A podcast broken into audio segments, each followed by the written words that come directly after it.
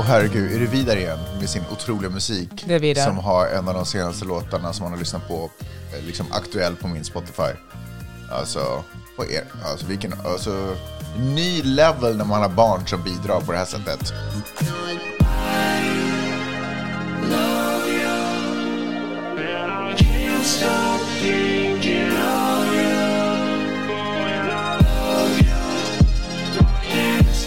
Peppe, du, hur, hur har du haft det? Jag har haft det bra, Magnus. Vi har ju inte pratat på skitlänge. Nej. Eh, du har ju hunnit vara i eh, Sverige och i Finland och i Göteborg, som alltså inte är en del av Sverige, utan separat sen Kalmarunionen upplöstes. Nej, men berätta, hur har det varit? Ja, men det var otroligt fint. Ja. Alltså, träffade jättemycket vänner, nya och gamla, och uh, jobbade jättemycket. Och det, var, det var intensivt. Ja. Det kändes som varje minut jag var vaken pratade jag med en annan människa. Mm, Men på vilket sätt upplever du att det skiljer sig från när du är här hemma då?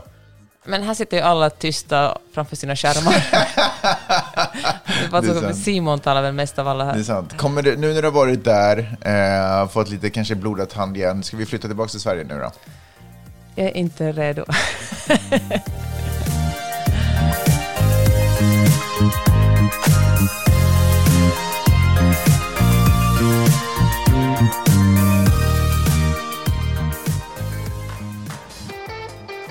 lyssnar på Magnus och Peppes podcast.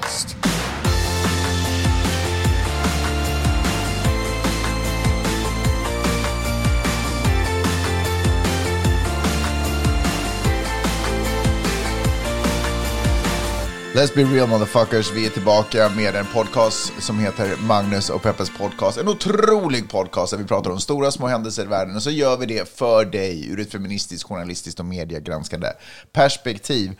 Tack alla ni som lyssnar, tack alla ni som är trogna lyssnare trots att vi är så otroligt dåliga på att komma ut en gång i veckan.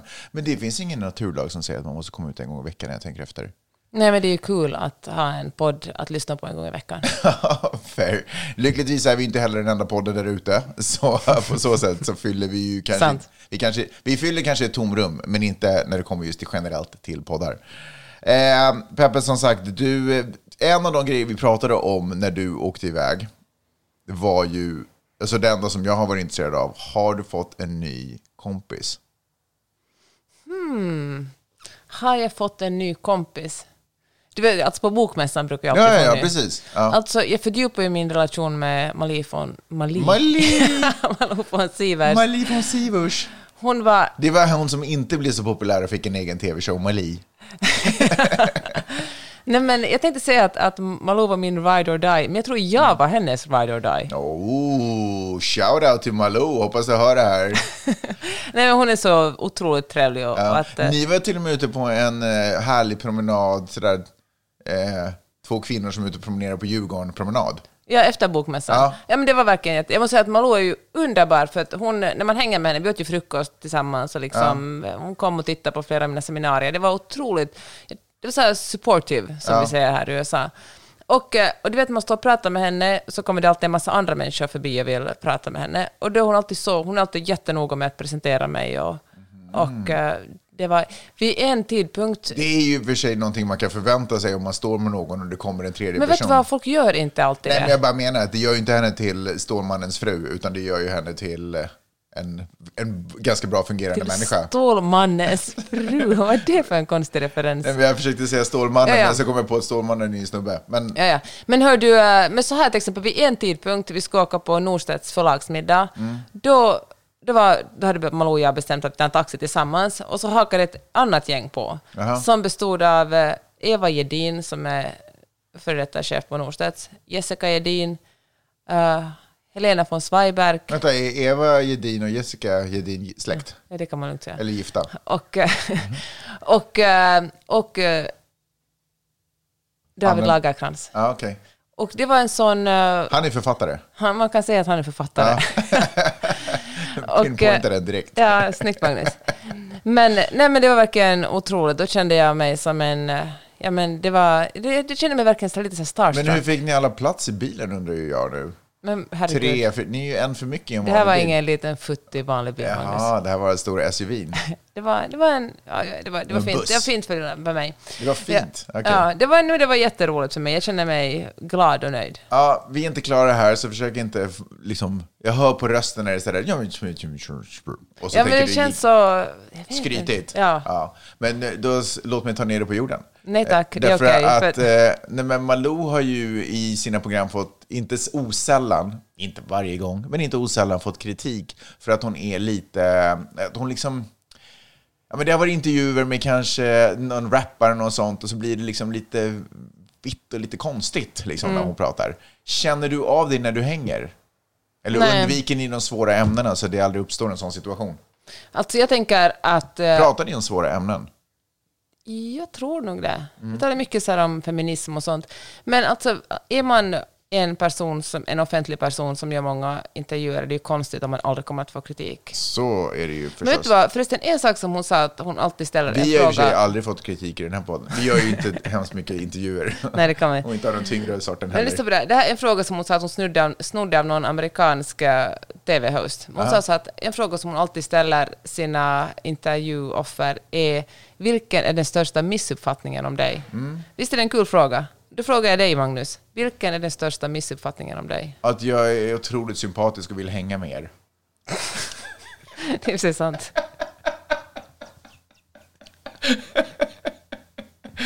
Ja, vad tråkigt att sanningen skulle komma ut där. Ja, han ska Det är så, vet du vad, jag vet inte vad som har hänt med mitt filter. Jag har typ tappat det. Det är det manliga klimakteriet. Ja, kanske är ett mangli, mangligt. Man, jag håller på att bli typ så här eh, en man som heter O- Ove. Ja, men vet du här. vad? Den vägen ska uppenbarligen alla män gå. Ja, men jag försöker ändå vara snäll på plats. Ja, så är det det. tycker ni själva. Ja, ja äh, gud, jag, jag ångrar att jag sa det där. Magnus, klipp bort det där. Alltså, i, min, eh, i den romanen jag skriver på nu finns det en man som, håller, som är så drygt 50 Ja. och eh, hans fru är hela tiden sådär, åh nej, nu kommer surgubben fram igen. Ja, din roman, den är inte baserad på verkligheten. Folk tror alltid att alltid när man skriver så är det någonting som på riktigt har hänt. Ändå känns det som att det är supermycket saker. Det är som mitt sätt att vara så här passivt aggressiv mot dig. Nej, det är inte du, Magnus. Nej, Okej, men skitsamma. Du hade supertrevligt med Ja. Mali, Nej, Malou. Malou. Och sen åkte jag till Stockholm och träffade massa goda kompisar där. Mm. Och jag var ute och red, jag badade bastu och gjorde jätteroliga saker. Ja, men du var faktiskt på väg, innan vi hoppar till Finland och allting annat som har hänt, så var du faktiskt på väg att säga att du har ju fått ish typ en ny kompis. Eller? Ja. nej men då ska jag säga att det är väl David Lagercrantz då. Jaha, men det är inte så. åh. Men jag tänker att det här bara är början på vår vänskap. Som, jag tror inte han vet, eller han vet absolut inte om det ännu. Om- men, om eh, dig? Nej, men att, att det är början på en djup Jaha, vänskap. Men har ni bytt nummer och e-mail Nej, men vi var och sådär, var- sociala kontakter? Nej, men så vi säga? sågs på, på mässan sen efter det, liksom efter middagen. Då var vi väldigt sådär småprata och krama varandra. Men hur ska ni hö- höras då? Det går att få tag på oss båda, Magnus. Ja. Ja, okej, okej. Om man vill så är det fullt möjligt. Finns det vilja?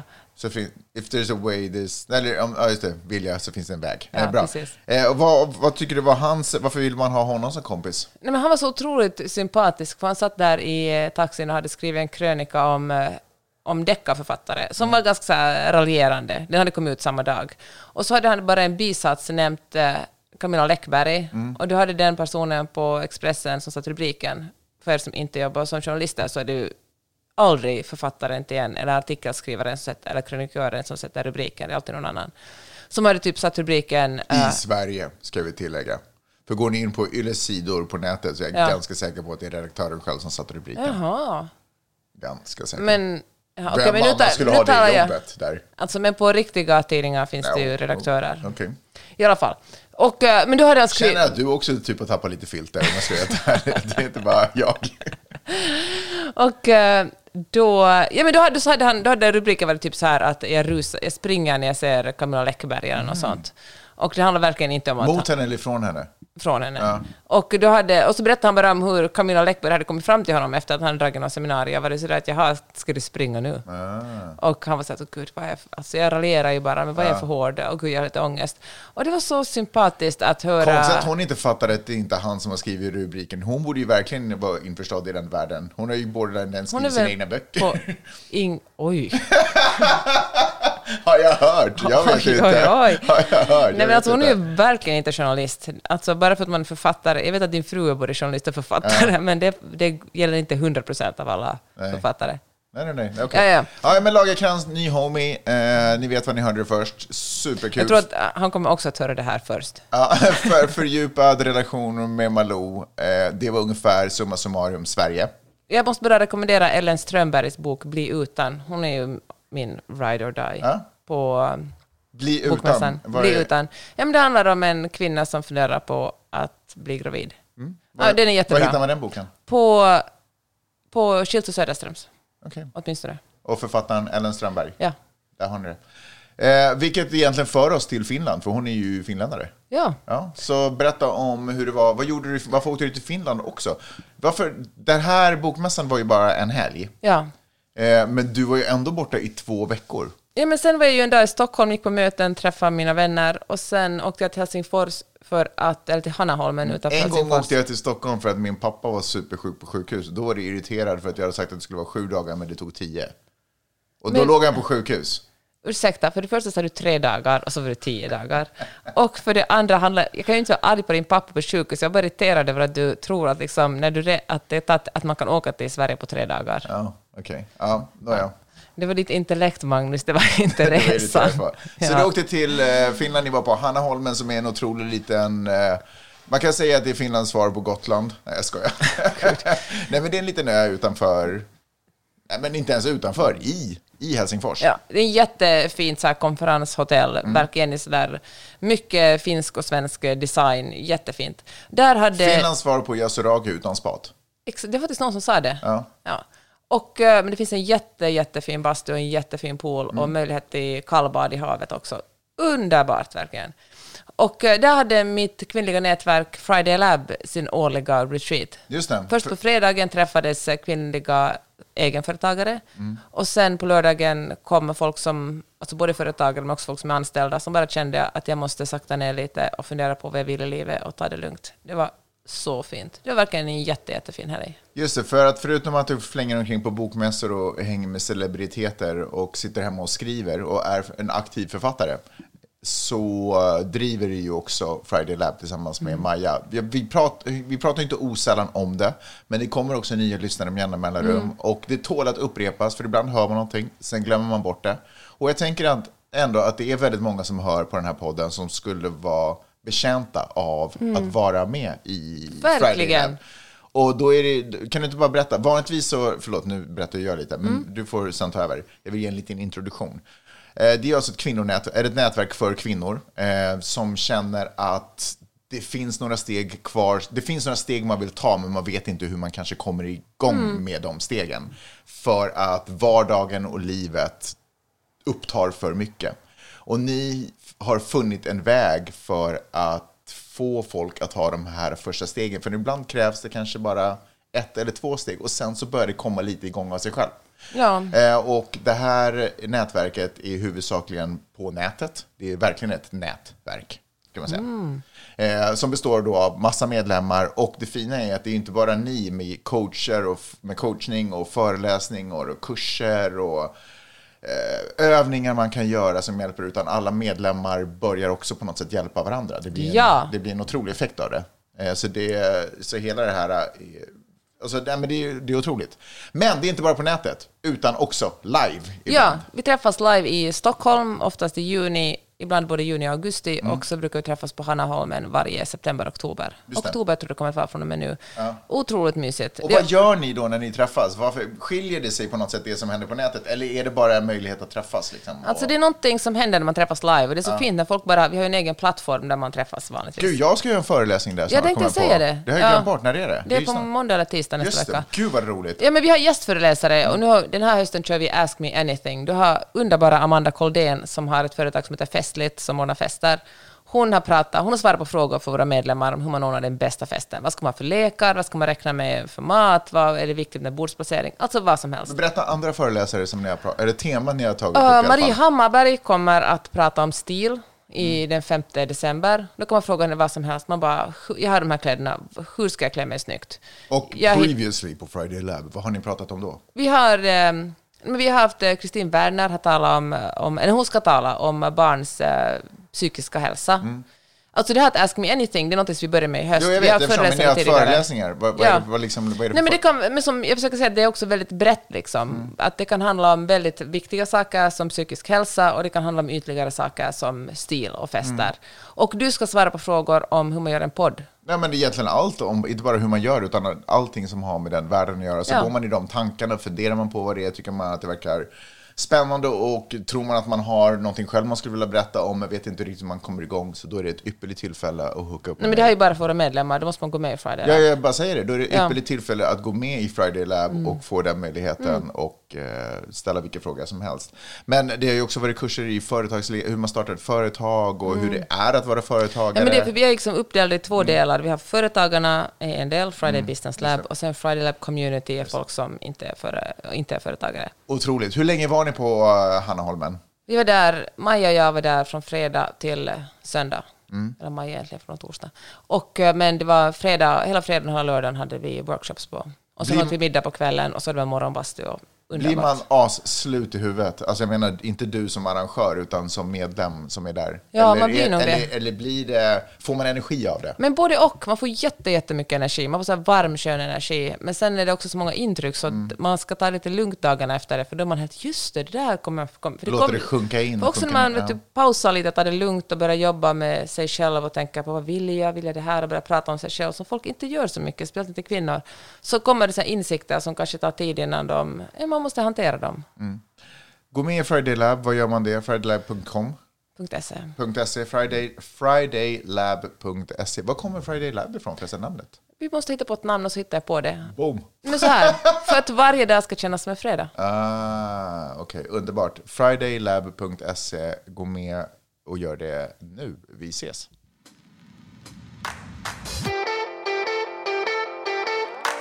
En grej som är lite frustrerande med dig är att du håller på med så mycket och man skulle vilja promota allting, eller massa saker som du gör, men då blir det liksom bara ett evigt, det blir bara en evig promotion hela tiden. Du har ju också ditt nyhetsbrev, alltså det är så mycket Ja, som man vi kan tala om det senare. dina böcker, det är så mycket man skulle vilja prata om som du gör. Jag är ju liksom lite enklare. För mig är det sådär, hej jag klipper poddar, är ni sugna? Let's go. Förstår du? Jag tycker det ska vara din, liksom, din slogan. Hej, jag klipper poddar, är ni sugna? Let's go. Hörru, eh, ska vi hugga tag i vad som har hänt Ja. i världen? Då kör vi.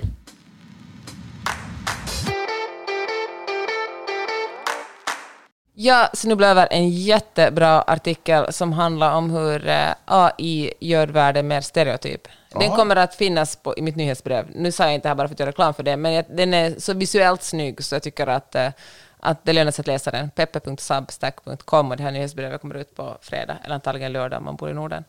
Men eh, så här kort, eh, att om man, om man säger så här, AI, beskriv en, beskriv en indisk person, då kommer det nästan alltid, nej men så här, folk gör det. Och då kommer det nästan alltid en äldre man med vitt skägg och en turban. Och om man säger så här, eh, jag vill ha en rätt, en indonesisk rätt, då kommer det liksom i 99 fall av 10 någonting på ett bananblad. Men hörru, faller inte det här tillbaka på det gamla uttrycket för dum fråga, för dumt svar?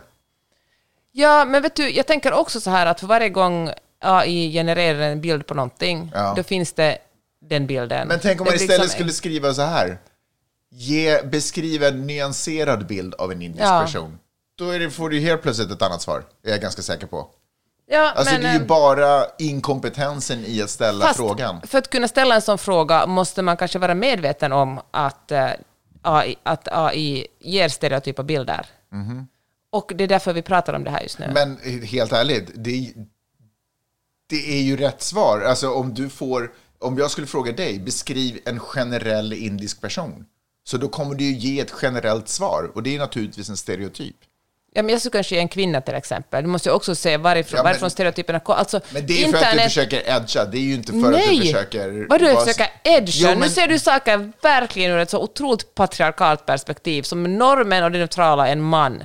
Det är ju Nej, verkligen för jag- inte så. För man Men- be- begär ju inte ens om att få normer, man får ge mig en beskriven, då blir det bara en stereotypisk version av Nej, det. för vet du vad, det är inte så här att internet på något sätt är jämlikt och, och, och liksom opartiskt och det finns en bra representation av allting. Det, nej, det, alltså det finns, det finns eh, mycket, en, alltså det, ja, det är inte en, en balanserad plats. Ja. Så det är klart, man kan ju inte säga att, att du bad om det, då fick du det. Nej, vi måste börja med att utgå från att det är stereotypt och sen jobba vidare Men så därifrån. där är det ju om man skulle få beskriva en svensk person. Ja, lång, blond och blåögd. Period. Ja, men så ser inte alla svenska Nej, personer ut. Men det går ju inte att beskriva alla i ett, ett, ett svar. Nej, men om man säger så här, beskriv hundra, alltså den här artikeln har liksom hundra bilder på en mexikansk person, det är alla män med hatt. Ja, men om man frågar så här, hur kan en svensk se ut? Så tror jag också man får ett annat svar. Jag vill bara återkomma till att frågan är idiotisk och kräver ett idiotiskt svar.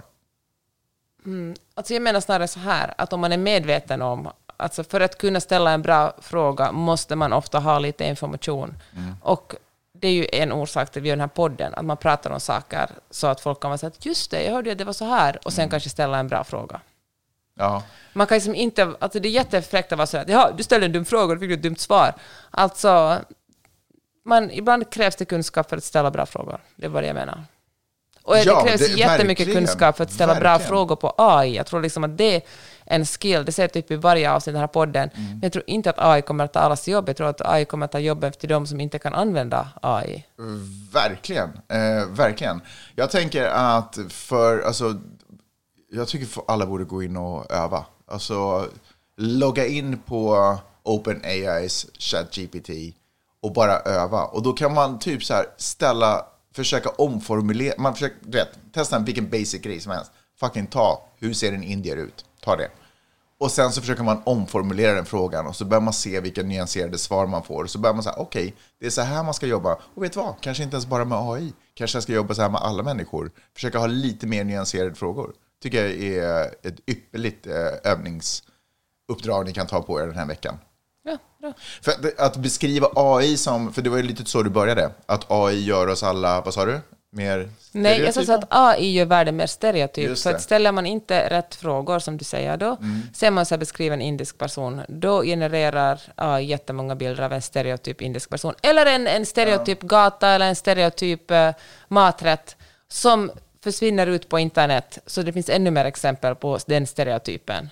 Men jag förstår att AI också kan vara otroligt många saker. Att det finns AI-moduler som är utvecklade, du vet, inom NASAs fyra väggar eller eh, CIAs fyra väggar som har helt annan funktionalitet och så jobbar kanske mycket mer vad det nu kan vara på något annat sätt. Men den AI som vi oftast möts av som är i form av chattbottar eller eh, ja, inte fan vet jag, annan mjukvara som bara handlar om att hjälpa oss och, äh, men som är nästan en, en, eh, en, eh, en, ett alternativ till Google, typ.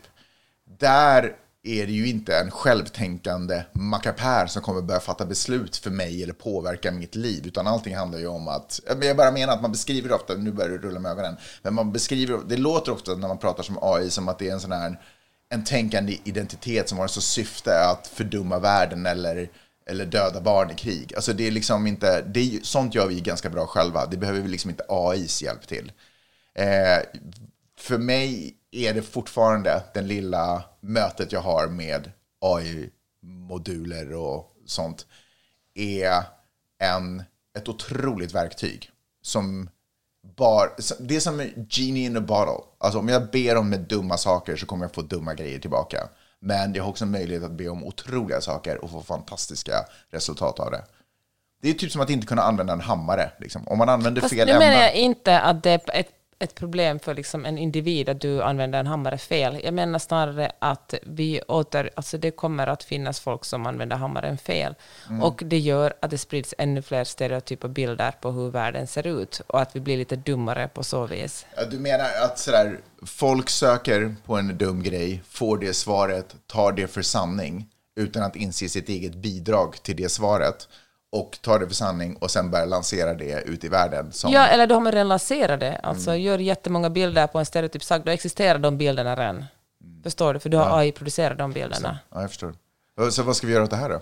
Nej, det, alltså det som jag Bara sa vara just- medvetna om ja. det och vara observanta på det? Okej. Det gäller ju allt, alltså. Vad, vad man än får för nyheter eller vad man läser måste man ju vara liksom kritisk och fundera. Ställer jag rätt frågor? Är det här korrekt? Är det inte korrekt? Varför, varför eh, läser jag det här?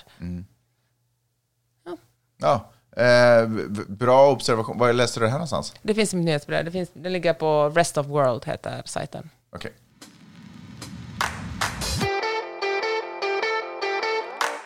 Jag tänker att det känns det fel att inte säga ett ord om eh, Israel-Palestina i den här podden. Jaha, vad tänker du säga om det? Shit, det är också eh, livsfarligt, känns det som. För säger man fel kan man bli kanslad. Ja, Säger man rätt, då kan man också bli kanslad. kanske man inte säger sanningen. Nej. Alltså det som eh, tål att sägas är ju det att det rör sig otroligt mycket missinformation. Alltså Twitter, eller nu för tiden X, alltså Elon Musks, eh, vad ska man kalla det? Företag. sociala medieplattform. Det vill säga något roligt ord.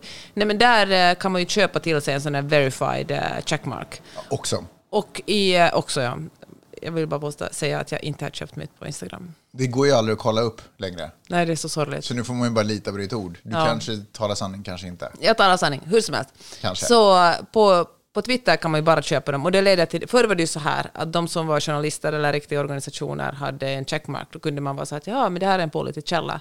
Eftersom man nu för tiden kan köpa ett, en checkmark så är det ju bara troll som har köpt det. Så att, eh, och det leder också till att det rör sig en massa missinformation, alltså osanningar som sprids där. Vilket är otroligt sorgligt, för jag har verkligen använt Twitter som en, när det har hänt någonting. Alltså när det är en jordbävning är Twitter det första jag går in och kollar på. När det är en kris i världen går jag att jag kollar in vilka journalister befinner sig där, vad säger de? Och allt fler större mediehus har också dragit sig bort från Twitter på grund av att det är oseriöst. Ja. Sorgligt. Varför går ni inte bara in på de här mediehusens egna sidor och portaler? Därför att det är mycket, det är mycket längre att skriva en artikel och publicera den än att ha en journalist på plats som säger exakt det här händer just nu. Så det är bara långsammare. Det gör man ju, för, först går man in på Twitter, eller så var det före, först gick jag in på Twitter för att se vad som hände och sen gick jag in och kollade och läste liksom den längre artikeln som hade satts ihop. Men det tar ju tid att skriva. Törs man fråga, har du några exempel på någon missinformation som har spridits? Nej men alltså till exempel vem som bombar, det finns ju inga, man vet ju heller inte säkert vem som bombar det här sjukhuset i Gaza, där Nej. det väl nu är många hundra som dog. Eller det fick ju en massa otroligt vidriga rykten om små barn som hade blivit, men, Ja, men just med det där sjukhuset, eh, det tror inte jag liksom... Det är inte ett problem som en verified checkmark från den gamla tiden hade löst. Förstår du, alltså, förstår du vad jag säger? Nej, men skillnaden är ju den att vara tvärsäker, att säga att det här var, det här var Israel som gjorde det, här är bevis på det, eller det här var Hamas eller det här var palestinierna som gjorde det, här är bevis på det, än att, än att säga, antagligen en seriös journalist hade sagt så här, just nu är det bombat, det här vet vi just nu om situationen. Vi återkommer när vi har fakta.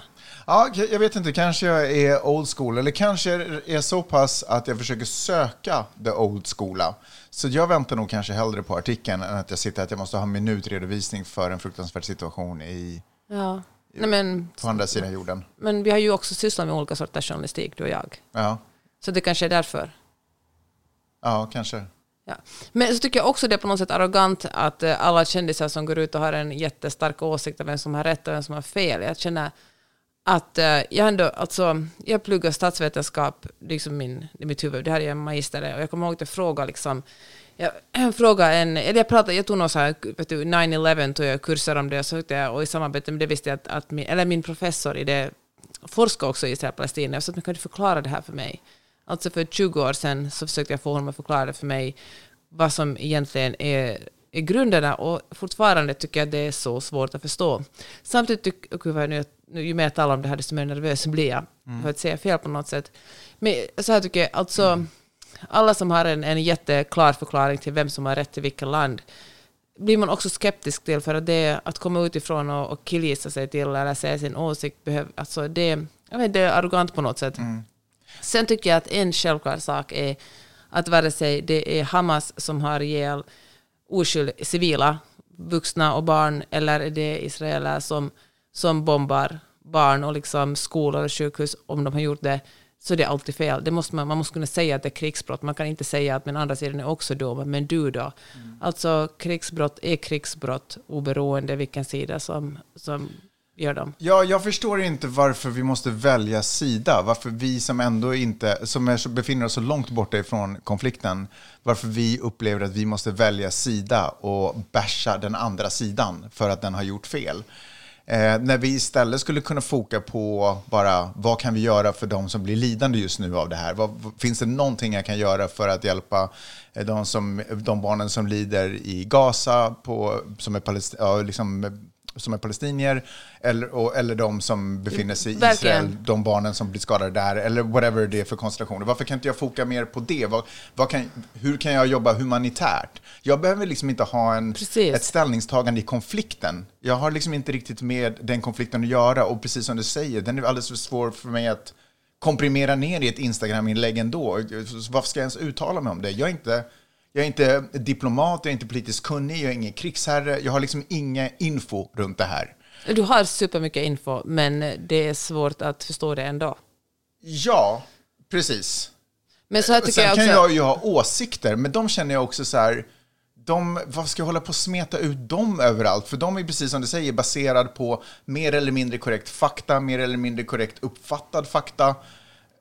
Liksom, varför ska jag hålla på och smeta ut min, mina åsikter? Jag kan foka på vilka är det som blir lidande, vad kan jag göra för dem? Och sen 100 procent att det finns antisemitism. Alltså antisemitismen är ett jättestort problem. Det är ett problem i Europa, det är ett problem i USA, det blir ett värre problem under Trump. Det är, liksom, det är verkligen ett jättestort problem. Samtidigt är det också ett problem det att det ju också- palestinska folket ja. är förtryckt. Man behöver liksom inte... Det är två saker kan existera Det samtidigt. här är också det som är så otroligt frustrerande, för varenda grej man säger, ja, de gjorde det här, så kan man komma med lika många saker som den andra sidan också har gjort. Det här går ju tillbaka, liksom, om inte decennier så tusentals år. Alltså det finns hur lång historia mellan de här folken eh, som är så otroligt konfliktfylld. Så jag har liksom, jag tänker inte, jag tänker inte dra en gräns för att jag börjar räkna tidräkningen börjar vid 40-talet eller vare sig om tidräkningen börjar vid 60-talet eller om tidräkningen börjar eh, vid Abrahams tid. Alltså det är liksom inte, jag kan inte, jag gör inte det.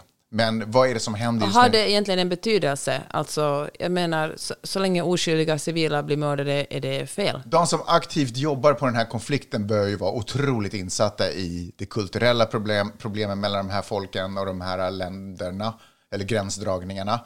Eh, de är ju de som ska vara otroligt insatta så att de kan tread carefully och säga rätt saker och försöka förhoppningsvis hitta någon form av gemensam linje som de båda kan sluta sig upp bakom, båda sidorna. Sen tycker jag också att, alltså, Men jag jobbar inte på FN. Jag Nej. jobbar liksom inte i Bryssel överhuvudtaget. Jag, har, jag kan liksom inte... Och jag kan inte heller ge stöd till en sidas lidande när den andra sidan lider också. Alltså jag kan inte, jag kan inte, jag kan inte, inte se hur vanliga människor lider. Över politiska beslut. ja, verkligen. Där är jag. Och Netanyahu är ju absolut en korrupt alltså president. Men det betyder ju inte att eh, Hamas har någon rätt att, eh, att eh, bomba och kidnappa oskyldiga. Jag hör det, men till och med på den nivån, det är så till och med liksom internpolitiskt i de här områdena och länderna är det så otroligt komplicerat. Alltså, eh, systemen är inte som i Sverige, som vi upplever som kanske det mest perfekta demokratiska landet i världen. Vilket det är sannerligen inte är. Nej, men, men, men väldigt nära, får man väl ändå säga. Det är väldigt få länder som kan åtnjuta den här lyxen. Eh, därför att de här länderna också, eh, precis som i Sverige i och för sig, också är med i den här vågen av eh, rasism som drar och den här polariseringen som drar över världen, som sätter press på politiker, som kanske också vill göra bra saker men kan inte frångå det faktum att folket håller på blir infekterade av den här eh, pol- polariserande vågen. Och vi i Sverige har vi inte heller levt under en, eh, i en, liksom en konfliktladdat område på flera hundra år. Alltså, om vi backar tillbaka bandet, då kanske vi skulle kunna uttala oss hur det känns att hela tiden har eh, ett hot över Fast sig. vet du vad, just nu så är ju Sverige ganska konfliktdrabbat på ett annat sätt. Alltså inte så här utrikespolitiskt, men, eh, men att folk ju verkligen skjuts ihjäl. Det är sant, men så är det. Precis, men det är ju inte en, det är inte en annan... eh, Det är, inte, det är inte Ryssland som är på väg, Nej. som står och liksom patrullerar gränserna till oss. Vi är ju inte i Ukrainas situation på något sätt, liksom, som också är en konflikt som pågår hela tiden. Verkligen. Ehm, Men eh, med, det, det, med det sagt så kan man ju, man kan ju också ha problem. Men de här problemen är också delvis orsakade av den här polariserade vågen som driver över världen. Vår, Vet du vad, det, det vill jag tala om också. Jag, jag eh, hade, gjorde ett tandläkarbesök här nyligen. Mhm. Och, eh, och här i USA så blir man ju genast kompis med sina läkare och tandläkare. Alltså, de vet allt om en. Jag hade varit där, jag har besökt en tandläkare en gång tidigare och nu pratar vi om surfing och barn och han berättade att han var supernervös för att hans... Det eh, kan ju vara du som påtvingar den diskussionen. Alltså, har, jag har ju varit med i de situationerna förut, där surfing kommer på tal, inte av den andra personen, utan av... Ja, vi talar om hästar också, för att han såg att jag hade en hästtatuering. Ja, så att, igen. var det jag? Ja, kanske. Nej. Nähä. Hur som helst. Nej, men jag vill bara säga det är Han var ju inte... intresserad av bilar också, pratar ni om det? Nej, men vi talar om var han hade, gått, var han hade pluggat. Hur som helst. Så tyck, men alltså, jag menar bara det att när jag har gått till läkare och tandläkare hemma i Finland, och i och för sig Sverige också, så åtminstone så här, de kommunalläkarna har man ju olika personer varje gång. Det är inte så att man har, eller kanske man har nu för tiden en husläkare som vet allt om en. Ja, jag vet inte. Strunt samma. Men min poäng var i alla fall det att när man träffar nya människor här i USA så är det så polariserat så att trots att vi är i Kalifornien och i LA som hör till de mest eh, progressiva städer och delstater i, eller den progressivaste delstaten i USA, kanske New York också, hur som helst, så är man ändå försiktig med när man börjar tala politik.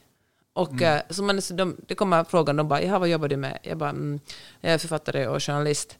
Och eh, så börjar man prata lite om eh, året som kommer, att det är valår, och ingen säger...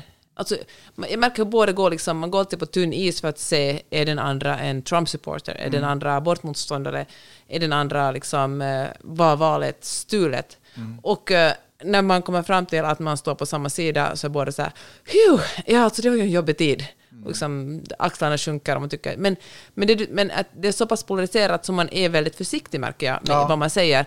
Och så ska det ju inte vara i en normal demokrati. Alltså i en normal demokrati så har man kanske olika politiska åsikter, men det definierar inte ens hela identitet eller ens som människa, utan man tycker att man ska betala mer skatt eller mindre skatt och that's it. Vet du vad, där måste jag säga att Robinson har fuckat upp oss lite. För det fanns faktiskt en gång i tiden när det Alltså första tv-programmet tv-programmet Robinson. Robinson, Det är Survivor. någon dude du snackar om. Nej, ja, Jo- Jonas Robinson. Han har fuckat upp det för oss. nej, nej tv-programmet Robinson, därför att det fanns, och liknande program. Därför att det fanns en gång i tiden, när det första avsnittet av Robinson i Sverige eh, klipptes och skulle sändas, så då eh, i den här örå- örådet i omröstningen så gick alla in och skrev sitt namn på lapparna och så visade de upp vad de hade röstat på. Eh, och alla fick se det, tror jag, i, i, det här rummet, eh, örådet. Liksom. Eh, och det var första gången som man liksom visade, verkade som i det svenska samhället, man visade vad man röstade på och vad man, vilken sida man stod på. Och det blev ju ramaskri i Sverige. Det programmet var tvungen att tas ner och de var tvungna att klippa om det programmet. Faktum är att den personen som jag tror åkte ut, det första åkte ut, tog typ livet av sig. Det var en fruktansvärd tragedi. Liksom. Och svenska folket bara, herregud, vad är det som pågår? Varför gör man mobbnings-tv där alla visar att vi är emot dig? Liksom.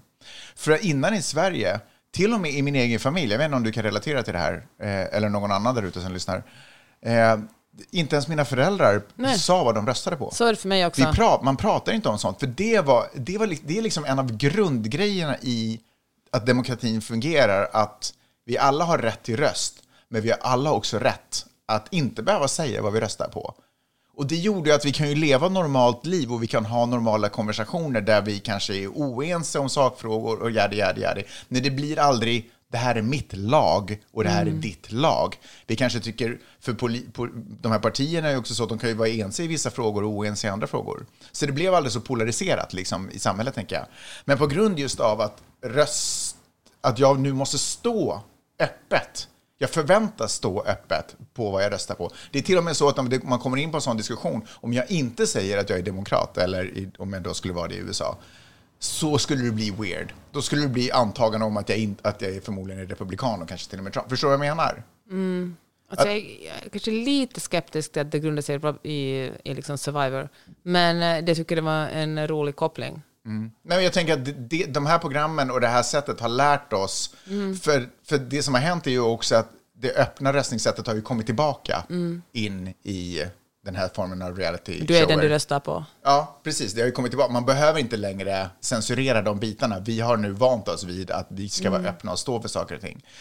Och eh, jag tycker att det är ett problem med att tandläkaren och du måste förstå att ni är på samma sida. Ni borde kunna hänga ändå. Och borde kunna umgås ändå.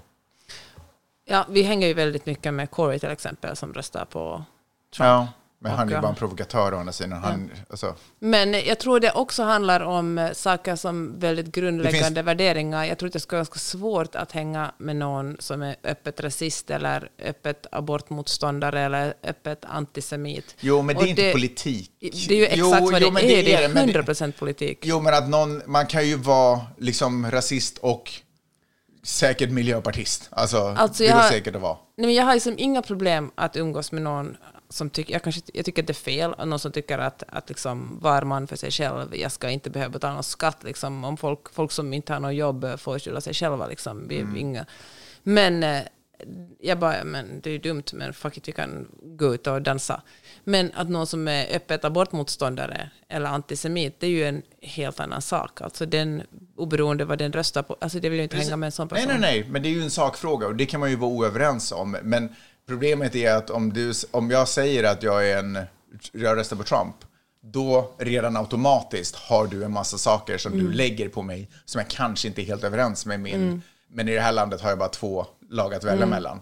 Förstår du vad jag menar? Jag kanske huvudsakligen, jag kanske är traditionellt republikan därför att det alltid har gynnat mina ekonomiska intressen eller whatever. Mm. Så, så fungerar mitt liv.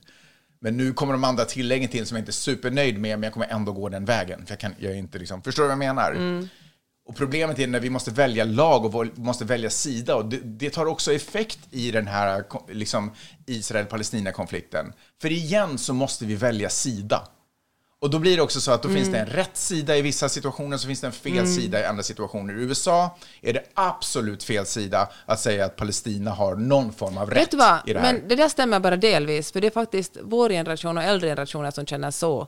På många universitet går folk verkligen och eh, demonstrerar för palestiniernas rätt. Fair alltså, enough, men Gen Z och millennials och liksom åtminstone Jo, yngre- men de är inte i maktposition i det här landet än. Nej, men många av dem jobbar inom eh, alltså, en annan sorts av informell makt. Mm. De influencers, de liksom når enormt mycket fler människor än normala liksom vanliga politiker. men och du- till och med Biden, som just nu, alltså han har ju ett jättestort problem nu för att han vill... Traditionellt är ju, som du säger, alltså är, är USA och Israel allierade. Men han är ju otroligt nervös för, för han, börjar, ju- han har ju hållit på och byggt relationer med arabländerna. Och Mm. liksom, Jo, det här är ju inte bra för någon, men, men det är ju liksom på en annan nivå. Och när du säger universitet ska man också säga att det finns ju profes- någon professor som också har fått sparken Mm. för att han var öppet. Alltså folk har ju fått sparken åt Ja. höger och vänster, för Jo, att de har, men, Men hittills har jag bara hört faktiskt tala om folk som fått sparken för att de har stått upp för alltså palestinier och till och med Ja. använt ordet folkmord. Ja, det är de som får sparken, det är det jag Mm. säger. För att, och de som ger sparken är ju de som sitter i en maktposition, eller hur? Mm. Och om, om vi kallar alla de som sitter i maktpositioner i alla branscher generellt, om vi drar min osthyvel och kallar, väljer ordet etablissemanget för dem, för Ja. den gruppen, så är ju etablissemanget än så länge ganska pro-Israel. Men vad jag menar när du sa att alla är på Israels sida, menar jag att det finns verkligen en jättestor generationsskillnad. Mm, och jag menar makten. Jag menar makten. Ja, och de kommer inte... Jag tror att det är en, alltså en jättestor bubblande förändring på gång, för det är en jättestor... Det är många som rö- kommer att rösta i nästa... Varför skakar du Nej, men för det är inte en jättestor förändring på gång, därför att det, det 100 procent. Skulle, skulle det ha hänt för 15 år sedan Ja, skulle inte det ha skett några demonstrationer för palestinier på universiteten. Men det sker nu. Jag tycker verkligen att det är en jättestor skillnad att ta i beaktande. Mm. fair. Men problemet är att den här alliansen är ju inte bara så här, snälla kan vi vara kompisar och bjuda varandra på födelsedag, utan det här är ju en militär allians. Det här är ju en överenskommelse som USA har sagt att vi är på er militära sida, ni är på vår militära sida. Och det beror ju på, det går ju tillbaka till liksom andra världskriget. Det är ju inte en allians man bara bryter för Nej, att nu men är det jag inte snackar populärt. om opinionen i USA, att det har förändrats enormt Mm. mycket. Förr var det en självklarhet att man, också de som inte sitter en del av militären eller etablissemanget, att de alla stod på Israels sida. Ja. Men det har skett en jättestor förändring i opinionen här, och speciellt bland unga människor. Ja, jag tror inte men de är man- fortfarande en överenskommelse som inte USA kan bryta. Förstår du? Att de måste backa Israel militärt. Ja, men På samma jag, sätt tror måste talar om backa- två, jag tror vi talar om två olika saker. Ja, det är vi. absolut, det gör vi. Talar du om din sak då? Nu? Ja, men, och det är det jag menar, att de är ju, de kan ju inte, de, men de måste ju också försvara, i och med att de har ett kontrakt med Israel, ett löfte till Israel att hela tiden backa upp dem militärt, så kan, måste de också försvara det politiskt. Och det betyder ju att de kommer vara tvungna att också i argumentation och i debatt och bla bla bla välja sida och välja Israels sida. Precis på samma sätt som de måste välja Ukraina. Nu kanske de kommer kunna skita i det och försöka snika undan den, men de gav också ett löfte till Ukraina. Fast Biden var ju väldigt tydlig när han höll sitt tal till nationen att de kommer att stå på och fortsätta skicka vapen till Jo, Ukraina. jag vet, men mot Republikanerna, och det finns röster som säger så här, ska vi verkligen göra det här Mm. längre? Men faktum är att då, då bortser de från ett löfte de har gett till Ukraina. Ukraina hade eh, kärnvapen på sin sida. USA sa, ta bort de kärnvapnen så lovar vi att alltid Mm. backa er om det blir en konflikt. För de vill ju inte ta bort de kärnvapnen, för det var ett skydd mot whatever, Ryssland till exempel. Men nu har de ett löfte som de måste hålla och samma sak med Israel. Därför kommer de alltid politiskt att argumentera för. Det Vet du spelar- vad, det, det där med spelar- alltid tror jag faktiskt inte stämmer. Eh, Jag tror att, att den yngre generationen, kom- att det kommer att förändras, och det var hela min poäng med det här. Mm. Att det finns en, en växande rörelse som tycker, inte, som inte, och då menar jag liksom inte folk som går på gatorna med så här tiki torches och ropar Jews will not replace us, för det, alltså jag menar inte, utan folk som säger att det är också civila som mördas i Palestina, de har också en rätt att bli hörda. Mm. Ja, vi får se. Eh, vi får se. Men fruktansvärd tragedi är det ju. Var det någonting annat du ville säga på de här temana? Nej, nu är det färdigt. Trump fick ju en gag order. Alltså det låter så... Sexuellt. Ja, men det låter, man måste hitta ett bättre ord. Eh, gag order. Alltså, typ, ja, men helt enkelt, han måste ha munkavel. Rätten har sagt att han måste sluta hålla på att eh, i, vid alla medietillfällen piska upp och liksom eh, Förtala domare. förtala domare och eh, members of the court. Och det är väl en partial gag order, så det handlar väl specifikt om just det. du. Grejen är att han har ju brutit den, upplever, upplever domstolen. Att han har gått emot och eh, faktiskt ändå fortsatt att demonisera eh, members of the court och kanske nämnt folk vid namn. Och nu, nu tar jag i lite, jag vet inte exakt omständigheterna. Vilket fall som helst så upplever rätten att de är trötta på det här nu.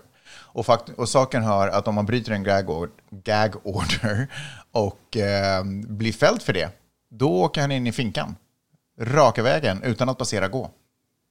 Gud vad intressant. Nej men alltså, Men för varje gång någonting sånt här sker så då får han ju, det bara rasslar in donationer till hans presidentkampanj. ja.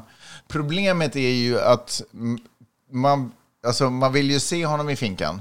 Nästan bara för att man vill se honom verkligen. i finkan. Förstår du vad jag menar? Nästan som när vi fick den här uh, mugshoten. Mm. Man ville se den. Hur kommer den se ut? Det här blir otroligt spännande. Men få saker kommer vara så bra för honom som att åka in i finkan. Alltså, då blir han ju public enemy number one. Mm. Alltså, hela det här är ju en del av hans Han blir ju en kampanj. martyr, Ja. liksom.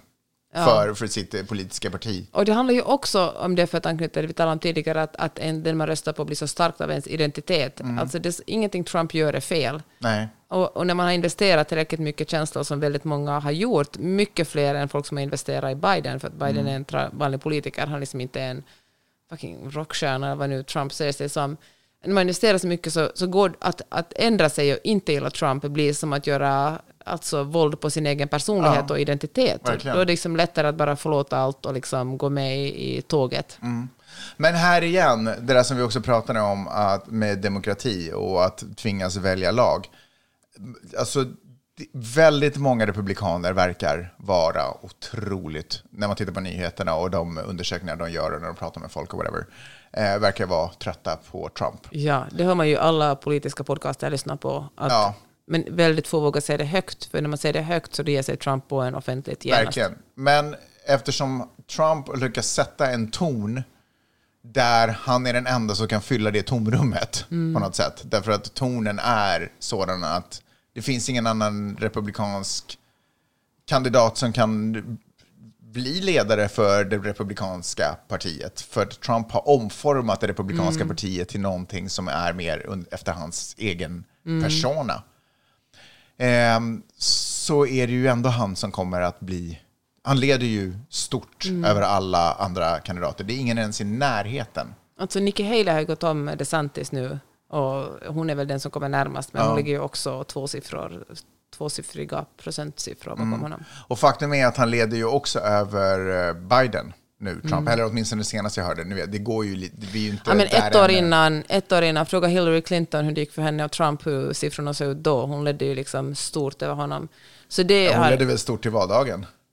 Ja, och sen, Alltså, så det egentligen betyder liksom sådana undersökningar ingenting. Men som du säger är det ju förbluffande att Trump ändå har en så stor...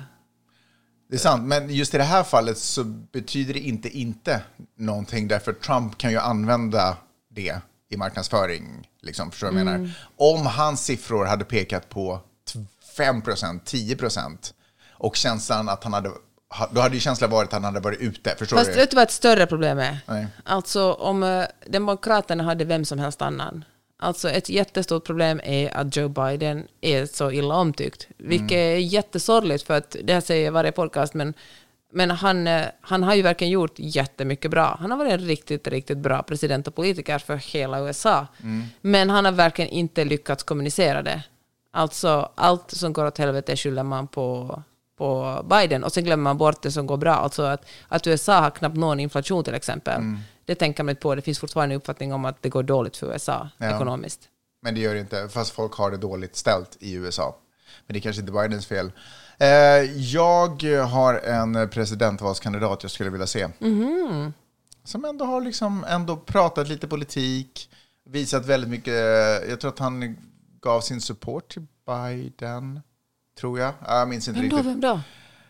Eh, det här skulle jag vilja se som en presidentvalskandidat på eh, Demokraternas sida. Är du beredd? Mm. Dwayne Johnson. Herregud, The Rock. Ja. Du vill att The Rock skulle bli president? Hur grymt skulle inte det vara? Skulle inte det vara bra? Han, verkar, han är så här omtyckt överallt. Han har den här äh, blicken som får en att Han vara så har blicken. Som får en att... Han har blicken, Magnus. Hör du det själv? och jag tänker att han är, han är bra på att hitta folk att omge sig med som skulle, som skulle lösa det här problemet. Han kommer från Hawaii.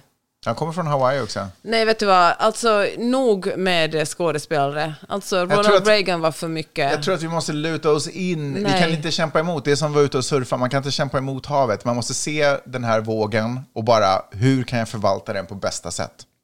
Nej, alltså jag kommer då kan vi, Men släng in Gör- Oprah i så fall. Nej, men lyssna. Förlåt. Det är en kvinna. Om jag tänker att vi ändå ska försöka, om vi maximerar chansen att vinna, då, då måste vi hålla, då måste vi liksom gå the straight Nej, jag line. tror att det är kvinnans tur nu. Ja, det är Men- klart. Nej, men det har ju varit kvinnans tur länge. Det är ju inte det jag menar. Jag pratar inte filosofi, filosofiskt, jag bara pratar maximera oddsen. Eh, för att jag tänker om man gör en sån move som Gorbachev gjorde när Sovjetunionen crumblade. Han tog på sig, han blev ju ledare för eh, kommunistiska partiet Sovjetunionen och började arbeta för att avveckla Sovjetunionen. Så han, han tog på sig den här otroligt maktfulla positionen, monterar ner hela skiten, ordnar ett demokratiskt val och, eh, och lämnar över stafettpinnen. Liksom, du vet, man bryter ner det till ordning och reda. Och tänk om en sån person som sitter perfekt i tiden, Dwayne Johnson, the motherfucking rock. Can you hear what's cooking in the kitchen? Alltså, Tar över- inte supersmart. Ta ska över den här stafettpinnen. Nej, men vem, peka på en politiker, okej det finns många där ute, men av de som är i rampljuset just nu. Joe Biden. Han tar över, ja men vet du, ja kanske vet du, jag är inte så jävla säker, men skitsamma. Han tar över stafettpinnen, han får ordning och reda på det här, lämnar över den i en sund och sane värld. Och alla paddlar ut mot solnedgången och sjunger en vacker hymn. Vad sjunger man då? Moana? Någon sång från Man Moana? sjöng, ja men någonting You're sånt. welcome.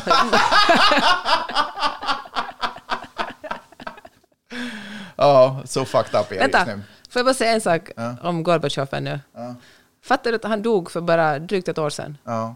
Alltså inte eh, hisnande. Han dog i sista augusti 2022. ja, det är som en gammal man. Men alltså, tänk att han är ju ändå... Han var med länge. Mm, han var verkligen med Inte länge. lika länge som Det som är så tråkigt på något sätt är ju eh, att han har ju varit en enorm ledare.